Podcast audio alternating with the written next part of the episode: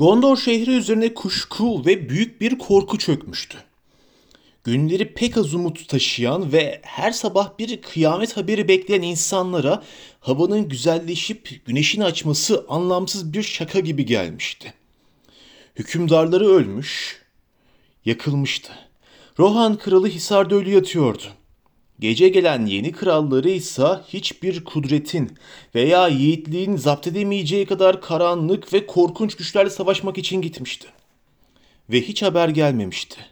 Ordu Morgul Vadisi'ni terk edip de dağların gölgesindeki kuzey yolunu tuttuktan sonra hiçbir haberci gelmemişti geri.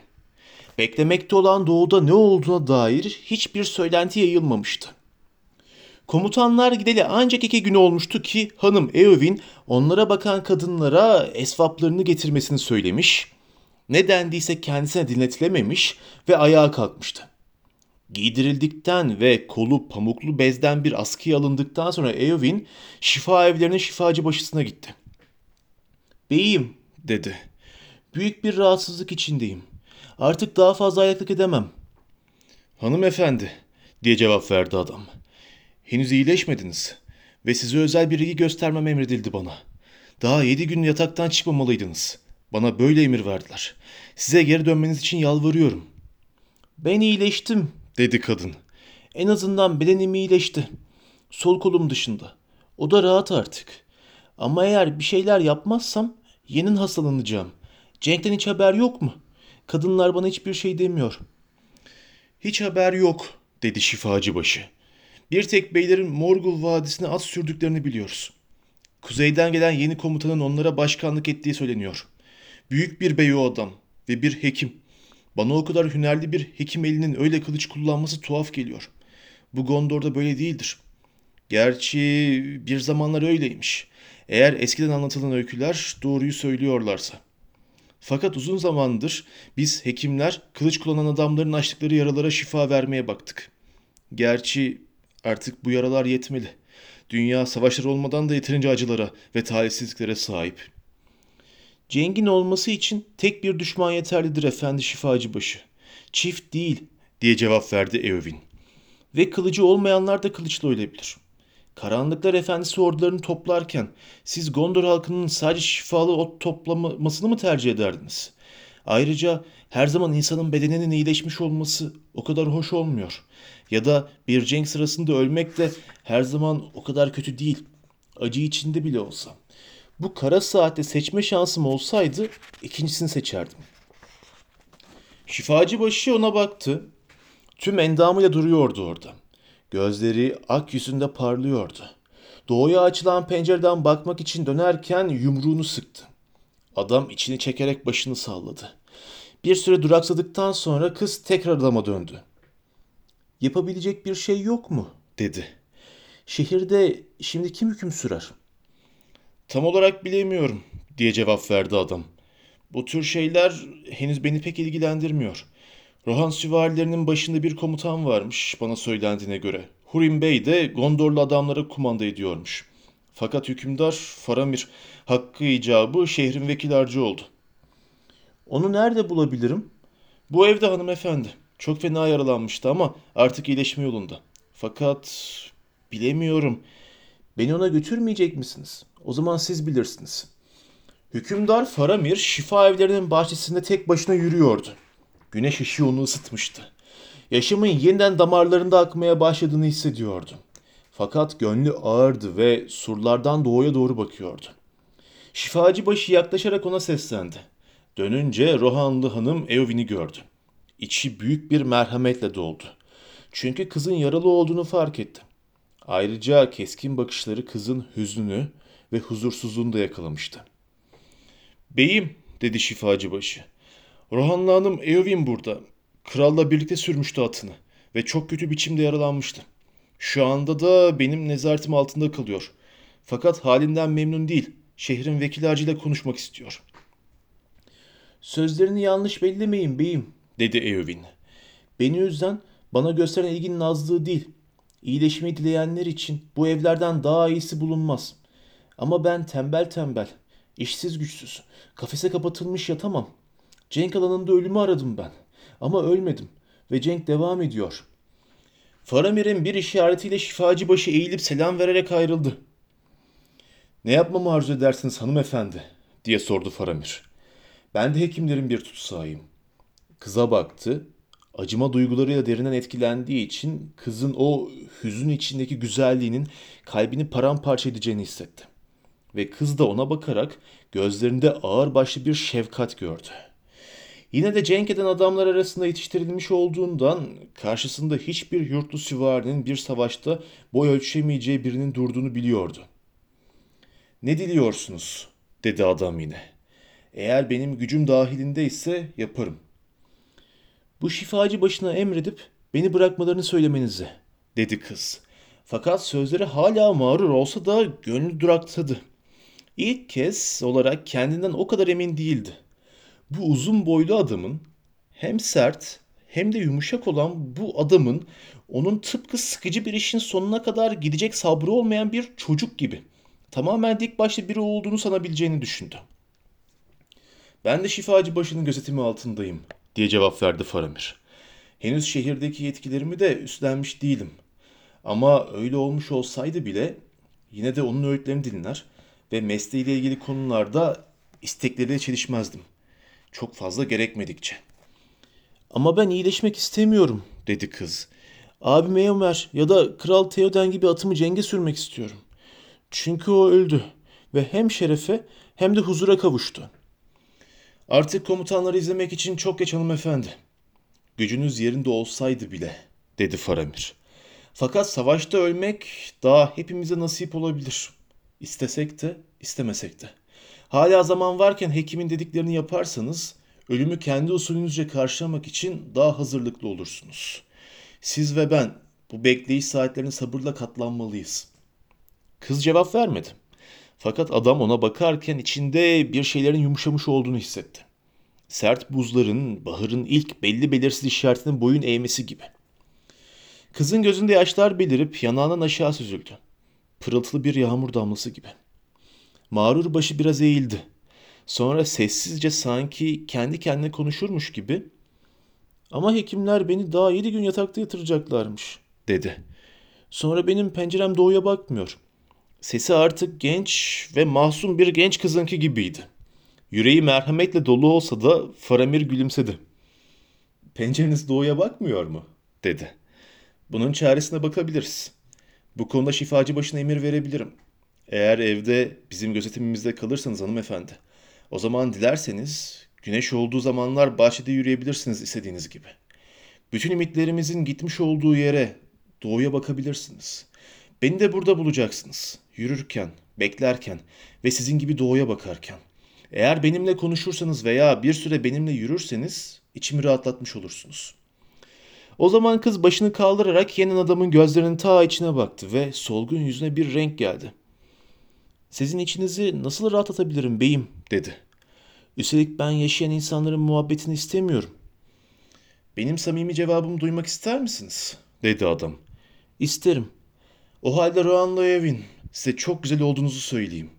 Tepelerde vadilerimizde zarif ve parlak çiçekler ve bu çiçeklerden de zarif genç kızlarımız vardır. Fakat bugüne kadar Gondor'da bu kadar güzel ve bu kadar hüzünlü ne bir çiçek ne de bir genç kız gördüm. Belki de dünyamıza karanlık çökmesine sadece birkaç gün kalmıştır. O gün gelip çattığında buna metanetle karşı koymayı ümit ediyorum. Fakat güneş daha parıldarken sizi hala görebileceğimi bilmek içimi rahatlattı. Çünkü hem siz hem de gölgenin kanatları altından geçtik ve aynı el bizi geri çekip aldı. Beni değil beyim dedi kız. Gölge hala benim üzerimde. Benim iyileşeceğimi zannetmeyin. Ben cengaver bir kızım ve ellerim nazik değildir. Fakat size en azından şu konuda teşekkür edebilirim. Artık odamda kalmak zorunda değilim. Şehrin vekil ağacının âli cenaplığı sayesinde dışarıda yürüyebileceğim. Eğilerek ona selam verdi ve eve geri yürüdü. Fakat Faramir uzun bir süre bahçede yalnız başına yürümeye devam etti. Bakışları artık doğudaki surlardan ziyade eve doğru kayıyordu. Faramir odasına geri döndüğünde şifacı başını çağırttı ve hanım Eowyn hakkında bütün bildiklerini anlattırdı. Fakat beyim hiç kuşkum yok ki dedi şifacı başı. bizimle burada bulunan buçukluktan çok daha fazlasını öğrenebilirsiniz. Çünkü o kralla birlikte gelmişti. Ve sonuna kadar da hanımlı olduğu söyleniyor. Böylece Mary Faramir'e yollandı ve gün boyunca birlikte uzun uzun konuştular. Faramir çok, hatta Mary'nin söze dökemediği kadar çok şey öğrendi. Artık Rohan Leovin'in üzüntüsü ve huzursuzluğu hakkında bazı şeyler anlamaya başladığını düşündü. Latif akşam saatlerinde Faramir'le Mary bahçede yürüdüler. Ama kız gelmedi.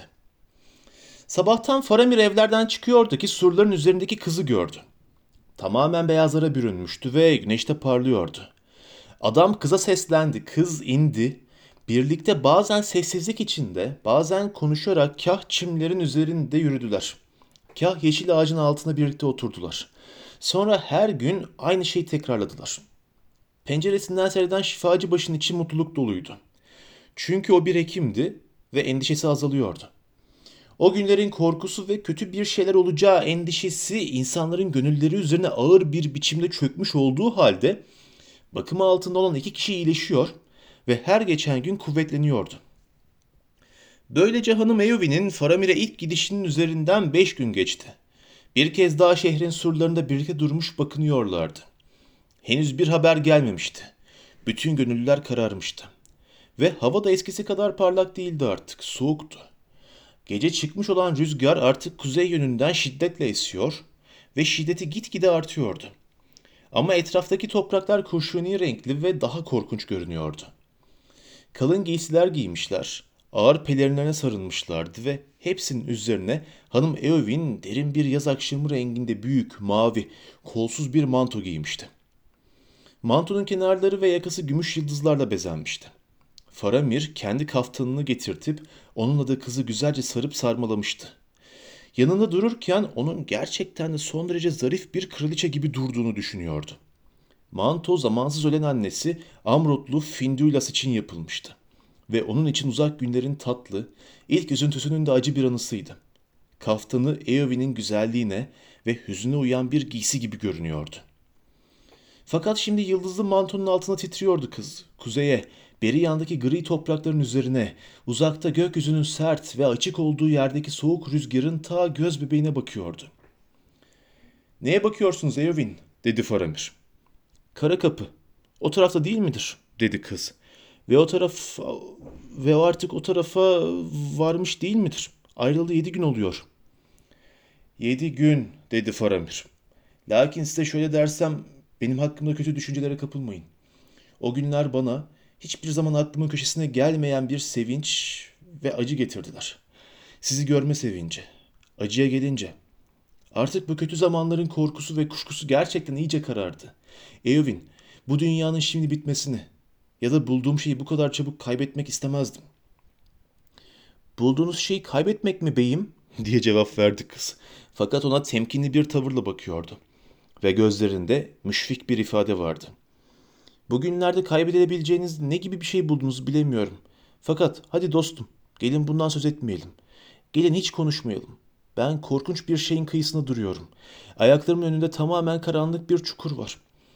Ama arkamda bir ışık var mıdır? Yok mudur bilemem. Çünkü henüz arkamı dönemem. Bir hükmün verilmesini bekliyorum.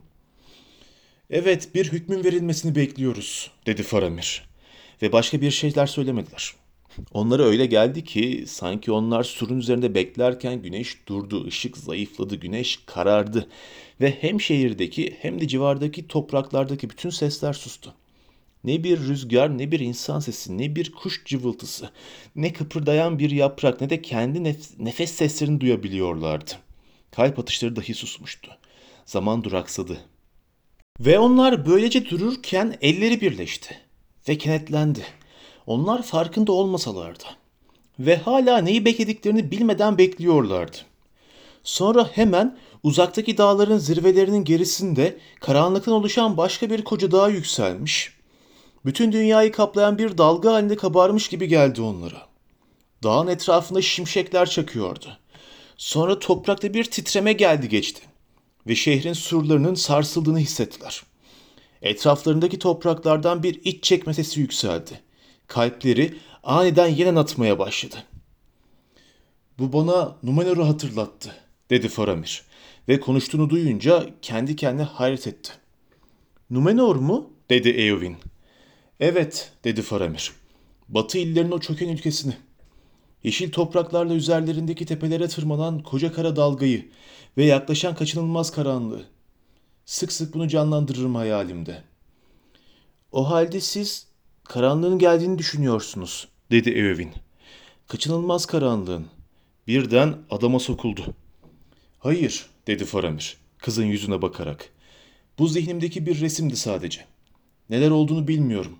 Uyanık zihnim bana büyük bir kötülüğün çöktüğünü ve son günlerimizi yaşadığımızı söylüyor. Fakat gönlüm hayır, diyor. Kollarım bacaklarım hafifledi. Ve üzerime öyle bir ümit ve sevinç geldi ki hiçbir akıl bunu inkar edemez. Eowyn, Eowyn, Rohan'ın ak hanımı. Şu saatte hiçbir karanlığın dayanabileceğine inanmıyorum. Ve eğilerek kızı alnından öptü. Öylece durdular. Gondor şehrinin surları üzerinde sert bir rüzgar çıkarak esti. Birinin kuzguni, diğerinin kuzguni, diğerinin sarı saçları rüzgarda akarak birbirine karıştı ve gölge ayrıldı. Güneşin peçesi açıldı. Işık dışarı uğradı. Anduin'in suları gümüş gibi parladı. Ve şehrin içindeki evlerden insanlar gönüllerinde biriken kaynağını bilmedikleri bir neşeyle şarkılar söylediler. Ve güneş öyle vaktini çok geçmeden doğudan uçan büyük bir kartal görüldü. Kartal batılı komutanlardan umulmayan haberler taşıyor, şöyle bağırıyordu. Söyleyin şarkılarınızı Anor Kulesi'nin insanları. Çünkü Sauron'un hükmü ebediyen sona erdi. Karanlık kulede devrildi. Şarkı söyleyin, kutlayın. Muhafız Kulesi'nin insanları. Çünkü boşa çıkmadı nöbetiniz. Kara kapı yıkıldı. Kralınız geçti kapıdan ve zaferi kazandı. Şarkı söyleyin, mutlu olun batının çocukları. Çünkü kralınız yeniden geliyor. Aranızda yaşamaya, hayatınız boyunca. Ve kuruyan ağaç yeniden boy verecek. Kral ağacı yükseklere dikecek ve kusanacak şehir. Şarkı söylesin herkes. Ve insanlar şehrin bütün yollarında şarkılar söylediler. Bunu izleyen günler altın rengiydi. Baharla yaz birbirine karıştı ve Gondor kırlarında birlikte cümbüş etti. Artık hızlı süvariler bütün olup bitenler hakkında Kayır Andros'un haberler getiriyor ve şehir kralın gelişine hazırlanıyordu. Meri çağrılmıştı ve eşya götüren yük arabalarıyla Oskilyat'a, oradan da gemiyle Kayır Andros'a gitmişti. Fakat Faramir gitmedi. Çünkü artık iyileşmiş olduğu için kısa bir süre için bile olsa yetkilerini ve vekil harçlık görevini üstlenmişti. Görevini de yerine geçecek kişi için hazırlıklar yapmaktı. Eowyn de gitmemişti. Abisi ona haber yollayıp Kormolen alanına gelmesi için rica ettiği halde. Faramir bu işe şaşırdı ama çok işi olduğu için onu çok az görebiliyordu. Kız hala şifa evlerinde kalıyor, bahçede tek başına geziniyordu. Yüzü yine solmuştu ve görünüşe göre şehirde sıkıntılı ve üzgün olan tek kişi oydu. Şifa evlerinin şifacı başısı üzülüyordu ve Faramir'le konuştu. Bunun üzerine Faramir gelerek kızı aradı ve bir kez daha birlikte surlarda durdular. Şöyle dedi Faramir. Eowyn, neden buralarda oyalanıyorsunuz da Kayır Andros'un gerisindeki, abinizin sizi beklediği Kormolen'e gidip neşelenmiyorsunuz? Kızsa şöyle dedi. Bilmiyor musunuz? Fakat o şöyle cevapladı. Bunun iki nedeni olabilir. Ama hangisi doğru bilmiyorum. Kızsa şöyle söyledi. Bilmecelerle uğraşmaya hiç niyetim yok. Daha açık konuşun. Madem öyle istiyorsunuz hanımefendi, dedi adam. Gitmiyorsunuz çünkü sizi çağıran yalnızca abiniz ve artık Elendil'in varisi hükümdar Aragorn'a bu zafer gününde bakmak sizi mutlu etmeyecek.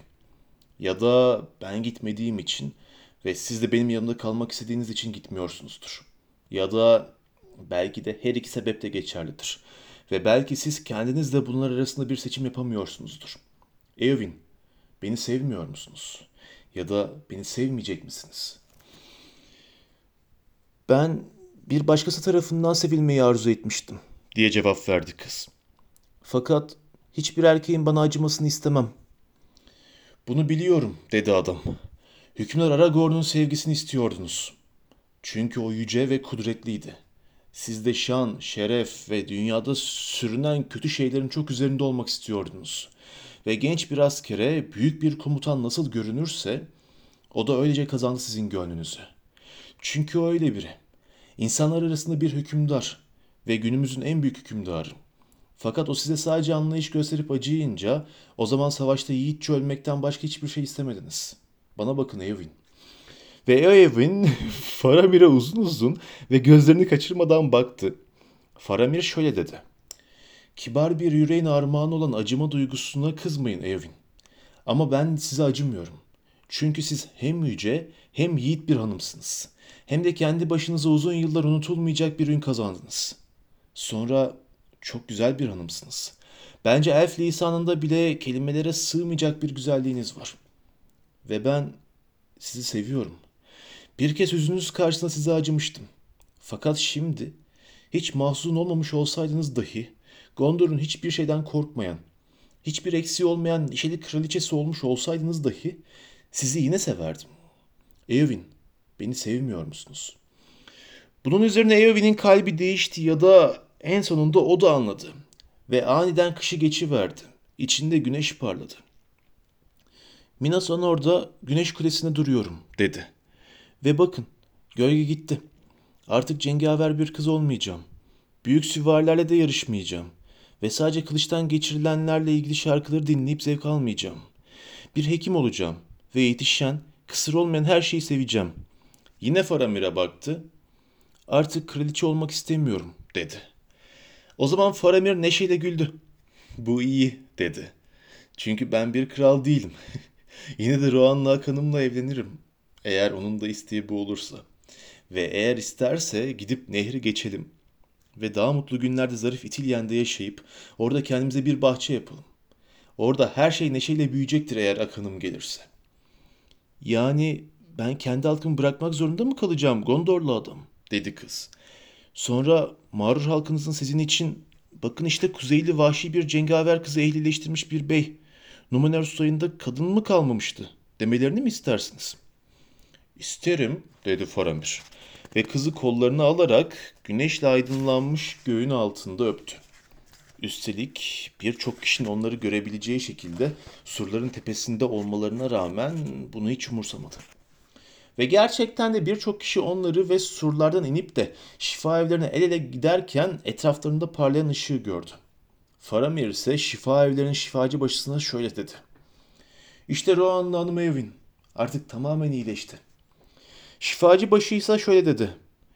O halde onu gözetimimden çıkartıyorum ve ona hayırlı günler diliyorum. Umarım bir daha ne yaralanır ne de hastalanır. Onu abisi gelene kadar şehrin vekil harcına emanet ediyorum. Fakat Eowyn şöyle dedi. Ancak şimdi ayrılmak için iznim olduğu halde kalmayı diliyorum. Çünkü bu ev tüm diğer evler arasında bana en kutlu geleni oldu. Ve Kral Eomer gelinceye kadar da orada kaldı. Artık şehirde her şey hazır, edil- hazır edilmişti. Büyük bir izdiham yaşanıyordu çünkü Min Rimon'dan Pinat Gelin'e ve denizin uzak kıyılarına kadar Gondor'un dört bir yanına yayılmıştı haberler. Şehre gelebilecek olan herkes de oraya varmak için acele ediyordu. Böylece şehir yeniden çiçeklerle bezenmiş, evlerine dönen kadınlarla çocuklarla dolmuştu. Ayrıca Dolu Amrot'tan bütün ülkenin en iyi harpçıları da gelmişti. Viyol çalgıcıları, flüt çalgıcıları, gümüş boru çalgıcıları ve Leben'in vadilerinden berrak sesli şarkıcılar da vardı. Sonunda surlardan bakıldığında kırlarda çadırların görülebildiği bir akşam geldi ve insanlar şafağı beklerken bütün gece ateşler yandı. Ve güneş artık üzerinde gölgeler olmayan doğudaki dağlar üzerinden berrak sabah içinde yükseldiğinde bütün çanlar çaldı ve sancaklar açılarak rüzgarda dalgalandı. Akkule'nin hisarının üzerindeki vekil harçların bayrağı güneşteki kar gibi, parlak gümüş gibi, hiçbir alamet veya nişan taşımadan son kez Gondor üzerine çekildi. Batılı komutanlar ordularını şehre götürüyorlardı. Halk onların saflar halinde güneş ışığında şimşekler çakarak ve kıvılcımlar saçarak gümüş dalgacıklar gibi yaklaştığını gördü. Böylece girişe vararak surlardan 200 metre kadar beride durdular. Henüz yeni kapılar yapılmamıştı ama şehrin girişine bir barikat konmuştu. Gümüş rengi ve siyahlar içinde uzun kılıçları çekilmiş adamlar duruyordu burada.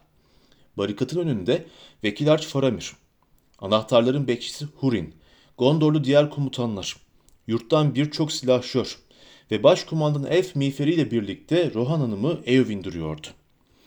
Cümle kapısının her iki yanında rengarenk giysileri ve çiçek buketleri içinde zarif bir halk kalabalığı vardı.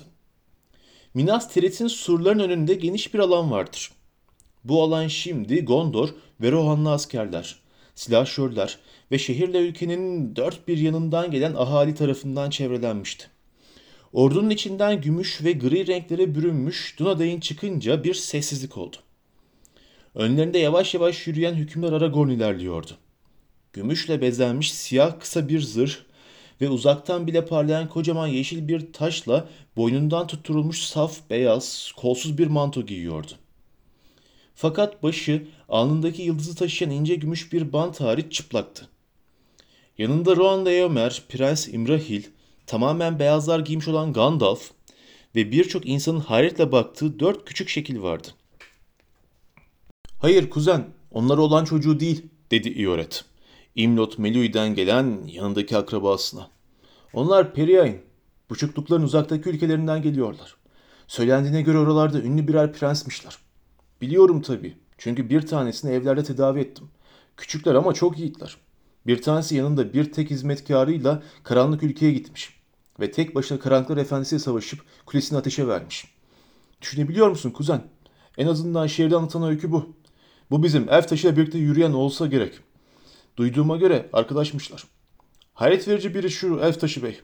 Konuşması pek yumuşak değil uyarayım seni. Ama altından bir kalbi var derler ya. Aynen öyle. Elleri insanları iyi ediyor. Kralın elleri bir şifacının elleridir dedim ben. Her şey de öyle ortaya çıktı. Mitrandir bana şöyle dedi. Ioret, insanlar uzun süre senin sözlerini hatırlayacaklar. Ve fakat Ioret'in köyden gelen akrabasına daha fazla açıklama yapmasına fırsat kalmadı.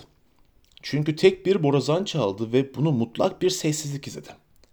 Sonra cümle kapısından yanında anahtarların Huri'ninden ve arkalarında Hisar'ın miğferli, zırhlı dört adamından başka kimse olmayan Faramir çıktı. Adamlar gümüşle bağlanmış kocaman siyah Lebetron'dan bir kutu taşıyorlardı. Faramir orada toplananlar arasında duran Aragorn'u karşılayarak önünde diz çöktü ve şöyle dedi. Gondor'un son vekil görevini iade etmek için izin istiyor. Ve beyaz bir sopa uzattı. Fakat Aragorn sopayı tutup tekrar geri verdi. Ve şöyle dedi. Bu görev henüz sona ermedi. Bu görev senin ve soyun devam ettikçe torunların olacaktır. Şimdi görevini yerine getir. Bunun üzerine Faramir ayağa kalkarak net bir sesle konuştu. Gondor insanları bu ülkenin vekil harcına kulak verin. Bakın, sonunda kral krallığını almaya geldi. İşte Arathorn oğlu Aragorn. Arnorlu, Arnorlu Dunaday'ın reisi. Batı ordusunun komutanı. Kuzey yıldızının taşıyıcısı. Yeniden dövülen kılıcın kullanıcısı. Savaşın galibi. Elleri şifalar dağıtan. Elf taşı. Valandil soyunun Elassar. Isildur'un oğlu. Numenorlu Elendil'in oğlu. Kral olup şehre girsin ve burada yaşasın mı? Bütün ordu ve bütün halk tek bir ses olup evet diye bağırdı. Ve Ioret akrabası kadına dedi ki, bu bizim şehirde hep yaptığımız bir çeşit dören kuzen.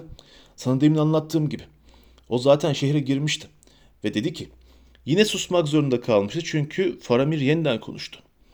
Gondor insanları, İrfan sahipleri kralın tacı ölmeden önce babasının almasının adet olduğunu söylemişlerdi. Eğer bu mümkün olmazsa tek başına giderek tacı babasının mezarından bırakılmış olduğu yerden almalıdır. Fakat şimdi durum farklı olduğundan vekil açtaki yetkilerimi kullanarak bugün Rad Dinen'den eski dedelerimiz zamanında saltanat sürmüş olan son kral Eärnur'un tacını getirdim.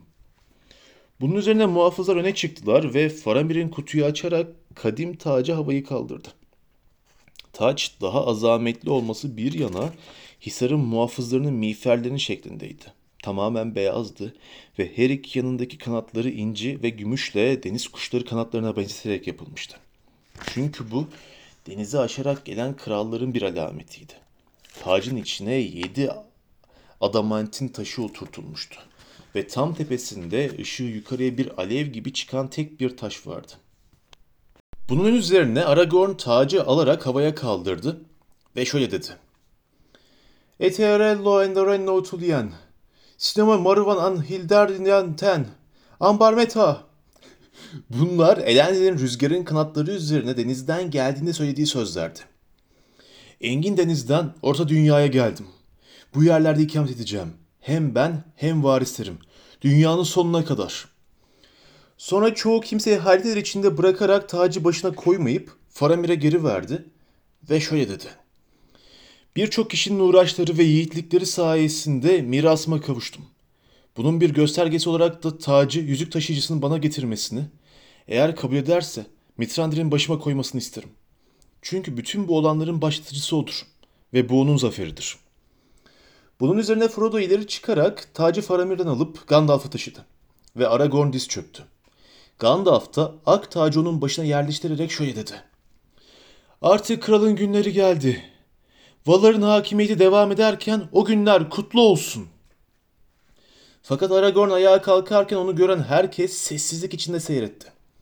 Çünkü onlara öyle gelmişti ki Aragorn'u ilk kez gerçekten görüyorlardı. Eski zamanların deniz kralları gibi upuzun durdu yakındakilerin yanında. Yaşça büyük gibi göründü. Ama yine de erkekliğinin verimli çağındaydı. Alnında bir bilgelik vardı. Ellerinde güç ve şifa ve etrafında bir ışık. Ve o zaman Faramir bağırdı. İşte kral. Ve tam o anda bütün borazanlar öttü. Ve kral Elastar ile ilerleyerek barikata geldi. Anahtarların Hurin'i barikatı açtı. Harpların, viyolaların, flütlerin ve berrak seslerin ezgileri eşliğinde kral çiçeklerle bezenmiş caddelerden geçerek Hisar'a vardı ve içeri girdi. En üst kulede ağaç ve yıldızların bayrağı açıldı ve Kral Elastar'ın hükümdarlığı başladı. Birçok şarkının da anlattığı gibi. Onun zamanında şehir o güne kadar hatta ilk şaşalı zamanlarında dahi olmadığı kadar güzel olmuştu. Ağaçlarla, çeşmelerle dolmuş, kapıları mitril ve çelikten yapılmış, caddeleri beyaz mermer döşenmişti. Bu işlerde dağın ahalisi çalışmıştı ve ormanın ahalisi de buraya geldikleri için çok memnun olmuşlardı. Her şey iyileştirilmiş, güzelleştirilmiş, evler, adamlar, kadınlar ve çocukların kahkahalarıyla dolmuştu. Hiçbir pencere kör değil, hiçbir avlu boş değildi artık. Ve dünyanın üçüncü çağının sona erip yeni bir çağa geçmesiyle geçip giden o yılların ihtişamı kaldı akıllarda. Taç giymesini izleyen günlerde kral, krallar odasındaki tahtına oturarak hükümlerini bildirdi. Birçok ülkeden ve halktan elçiler geldi. Doğudan, güneyden, kuyut orman sınırlarından, batıdaki Dunland'den kral teslim olan doğulları affedip serbest bıraktı. Ve Harad halkıyla barış yaptı. Mordor'un kölelerini de serbest bırakarak Nurnen Gölü kıyısındaki toprakları onlara verdi. Ayrıca önüne yaptıkları yiğitliklerden dolayı takdirini ve vereceği armağanları almak için getirilenler oldu. En son olarak da muhafızların komutanı yargılanması için Beregond'u getirdi. Kral Beregond'a şöyle dedi. Beregond, senin kılıcınla kan dökülmesi yasak olan kutsal yerlerde kan döküldü. Ayrıca görev yerinde hükümdarın veya komutanın izni olmadan terk etmiştin. Eskiden işlediğin bu suçların cezası ölümdü. O yüzden şimdi senin hakkında bu hükmü vermem lazım gelir. Savaşta gösterdiğin yiğitlikten, ayrıca da hükümdar Faramir olan sevginden dolayı yaptıkların yüzü suyu hürmetine cezaların affedilmiştir. Yine de Hisar'ın muhafız alayından ayrılman ve Minas Tirith şehrinin uzaklaşman gerekiyor. Bunun üzerine Beregond'un yüzünden kan çekildi. Kalbinden yaralanmıştı. Boynunu eğdi. Fakat kral şöyle dedi. Bunun böyle olması gerekir. Çünkü Akbölü'ye İtilyen Prensi Faramir'in muhafızı olarak atandın. Bölüğün komutanı olup şerefinle huzur içinde Emin Arnen'de ölümden kurtarmak için her şeyini riske attığın kişinin hizmetinde yaşayacaksın. Ve kralın merhametini ve adaletini gören Beregond memnuniyetle diz çöküp elini öptü. Ve neşe içinde rahatlayarak yanından ayrıldı. Aragorn Faramir'e Tilyen prensliğini verdi. Ve şehirden görünen Emin Arnen tepelerine yerleşmesini buyurdu. Çünkü, dedi, Morgul Vadisi'ndeki Minas Ithil tamamen yok edilecek. Zamanla burası temizlense bile uzun yıllar hiçbir insanın yaşamasına izin verilmeyecek. Sonunda Aragorn Rohan Daemer'i kabul etti. Kucaklaştılar ve Aragorn şöyle dedi. Aramızda almak, vermek veya armağan gibi şeylerin lafı olmaz. Çünkü biz kardeşiz. En mutlu saatte sürdü yol kuzeyden. İnsanların kurduğu hiçbir ittifak, başka hiçbir ittifak daha kutlu olamaz. Çünkü hiçbir taraf diğerine ihanet etmedi. Ve etmeyecektir de. Şimdi bildiğiniz gibi şanlı Theoden'i kutsal yerlerdeki mezara yatırdık. Ve orada Gondor kralları arasında yatmaya devam edecek. Eğer izin verirseniz. Veya eğer arzu ederseniz siz Rohan'a gelip onu kendi halkı arasında son istirahatine getiririz. Ve Ömer şöyle cevap verdi. Yaylaların yeşil çimenleri arasından karşıma çıktığınız günden beri sizi seviyorum. Ve bu sevgi hiçbir zaman azalmayacaktır. Fakat şimdi bir süre için iyileştirilmesi ve yoluna koyulması gereken birçok şeyin bulunduğu kendi ülkeme çekilmem gerek. Yalnız düşene gelince her şey hazırlandığını onu almak için geri döneceğiz. Ama bırakın bir süre burada uyusun. Ve Eowyn de Faramir'e şöyle dedi. Şimdilik kendi ülkeme dönüp oraya bir kez daha bakmam. Abime işlerinde yardımcı olmam gerek. Fakat uzun zamandır öz babam gibi sevdiğim kişi huzura kavuşturulduktan sonra geri geleceğim. Böylece mutlu günler gelip geçti. Mayıs'ın 8. günde Rohan süvarileri hazırlanıp kuzey yolundan yola çıktılar. Yanları sıra Elrond'un oğulları da gitmişti.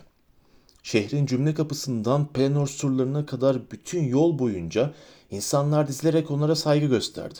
Övgüler yağdırdı. Sonra uzaklarda oturanlar sevinç içinde yuvalarına döndüler. Fakat şehirde yeniden inşa etmek, yenilemek, savaşın izlerini ve karanlığın hatırasını silmek için yardım etmek isteyenlere bir sürü iş vardı. Hobbitler, Legolas ve Gimli ile birlikte hala Minas Tirith'teydiler. Çünkü Aragorn yol arkadaşlığının çözülmesi konusunda pek gönülsüzdü. Sonunda bütün bu şeylerin bir son bulması gerekir, dedi. Lakin ben sizin biraz daha beklemenizi arzu ediyorum. Çünkü paylaştığınız işlerin sonu henüz gelmedi. Bütün erkeklik çağım boyunca beklediğim gün yaklaşmakta ve o gün gelip çattığında siz dostlarımın yanımda olmanızı istiyorum. Böyle diyordu ama o gün hakkında başka bir şey söylemiyordu. O günlerde yüzük yoldaşları Gandalf'la birlikte zarif bir evde hep birlikte oturuyorlardı ve gönüllerince dolaşıyorlardı. Frodo Gandalf'a şöyle dedi. Aragorn'un sözünü ettiği bugünün ne olduğunu biliyor musunuz? Çünkü burada çok mutluyuz. Ben de gitmek istemiyorum ama günler akıp geçiyor. Ve Bilbo bekliyor. Üstelik benim yuvam şair. Bilbo'yu soruyorsan, dedi Gandalf, Bilbo da aynı günü bekliyor. Ve senin neyin, alıkoyduğunu biliyor. Günlerin akıp gitmesine gelince, henüz Mayıs ayındayız. Daha yazın ortası bile olmadı.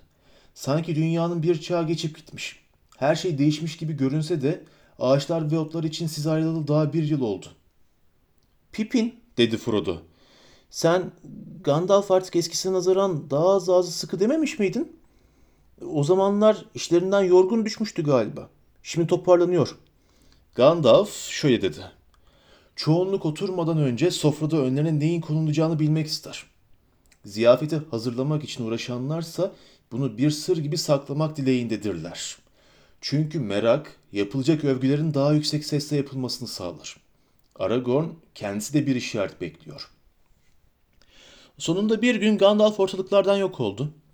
Ve yol arkadaşları bunun altına neler çıkacağını merakla beklemeye başladılar. Gandalf Aragorn'u gece çıkarmıştı şehirden ve onu Mindolui'nin dağının güney eteklerine götürmüştü. Orada asırlar önce yapılmış artık kimsenin gitmeye cesaret edemediği bir yol buldular. Çünkü yol dağdan çıkarak sadece kralların gitmesi adet olan yüksekteki kutsal bir yere gidiyordu. Sonunda yüksek zirveleri kaplayan karların aşağısında yüksek bir kırlığa varıncaya kadar dik yollardan geçtiler. Burası şehrin gerisindeki uçuruma bakıyordu. Burada durarak toprakları gözden geçirdiler.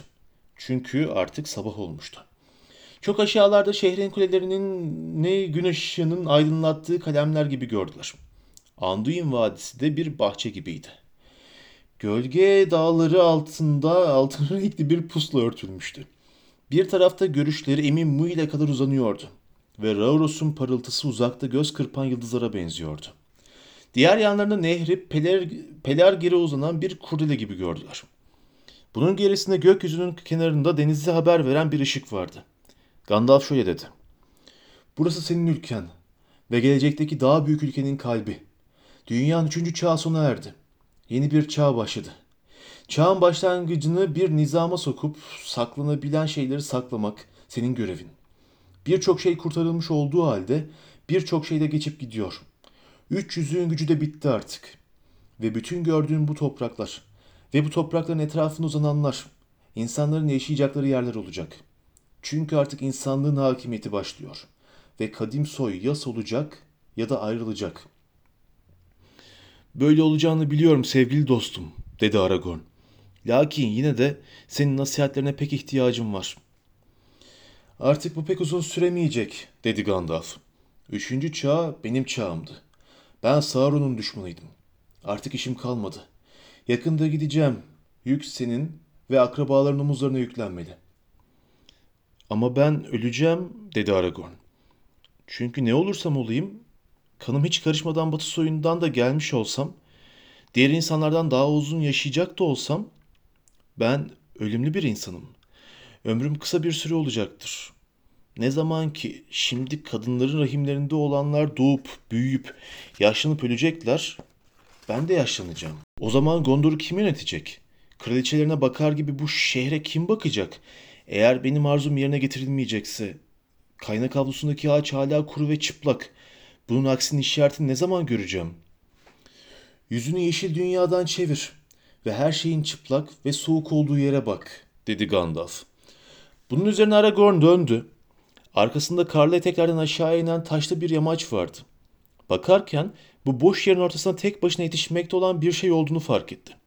Oraya tırmandı ve tam karların kenarında üç ayaktan daha uzun olmayan bir ağaç fidanının fışkırmış olduğunu gördü.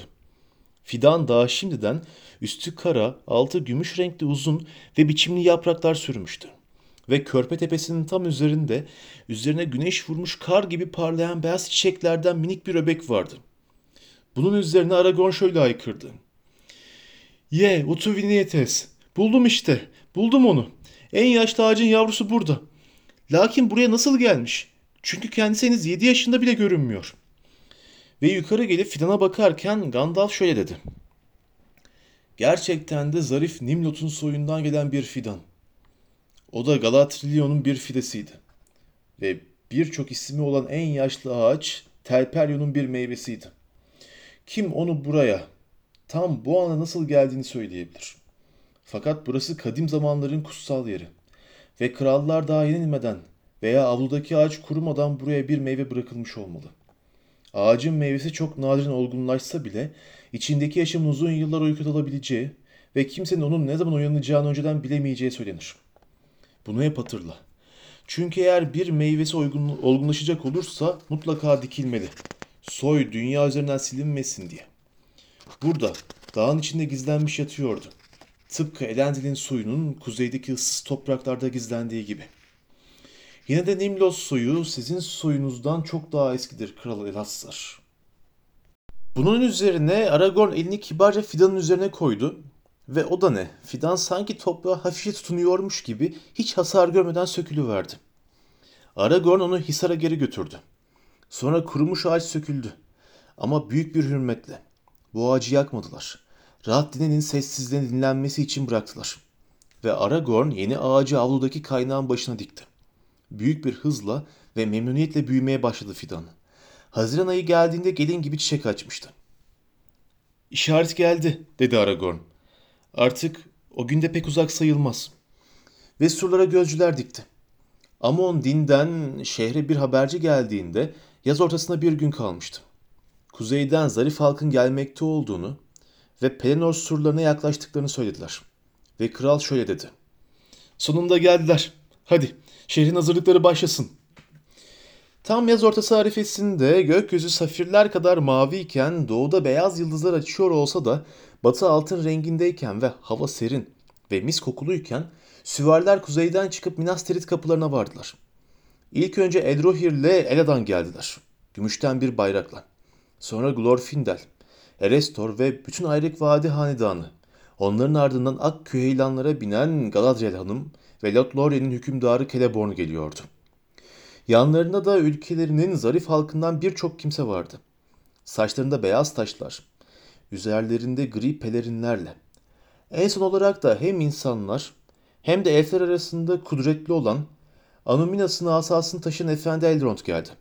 Yanında gri, küçük bir ata binen kızı Arwen, halkının akşam yıldızı vardı. Ve Frodo kızı alnında yıldızlar ve etrafında mis kokularla akşam vakti parıldarken görünce büyük bir hayranlıkla Gandalf'a şöyle dedi. Sonunda neden bu kadar beklediğimizi anladım. Bu son. Artık sadece günler güzel olmakla kalmayacak. Geceler de güzel ve kutlu olacak. Ve bütün korkuları geçecek. Derken kral konukları karşıladı. Onlar da atlarından indiler. Elrond asayı teslim etti. Kızının elini kralın eline bıraktı. Hep birlikte yüksek şehre çıktılar. Ve gökyüzündeki bütün yıldızlar kemale erdi. Ve Aragorn yani Kral Elassar Arwen Undumiel'le kralların şehrinde yaz ortası günü evlendi. Ve uzun süren bekleyişleri ve çabaları böylece nihayete erdi.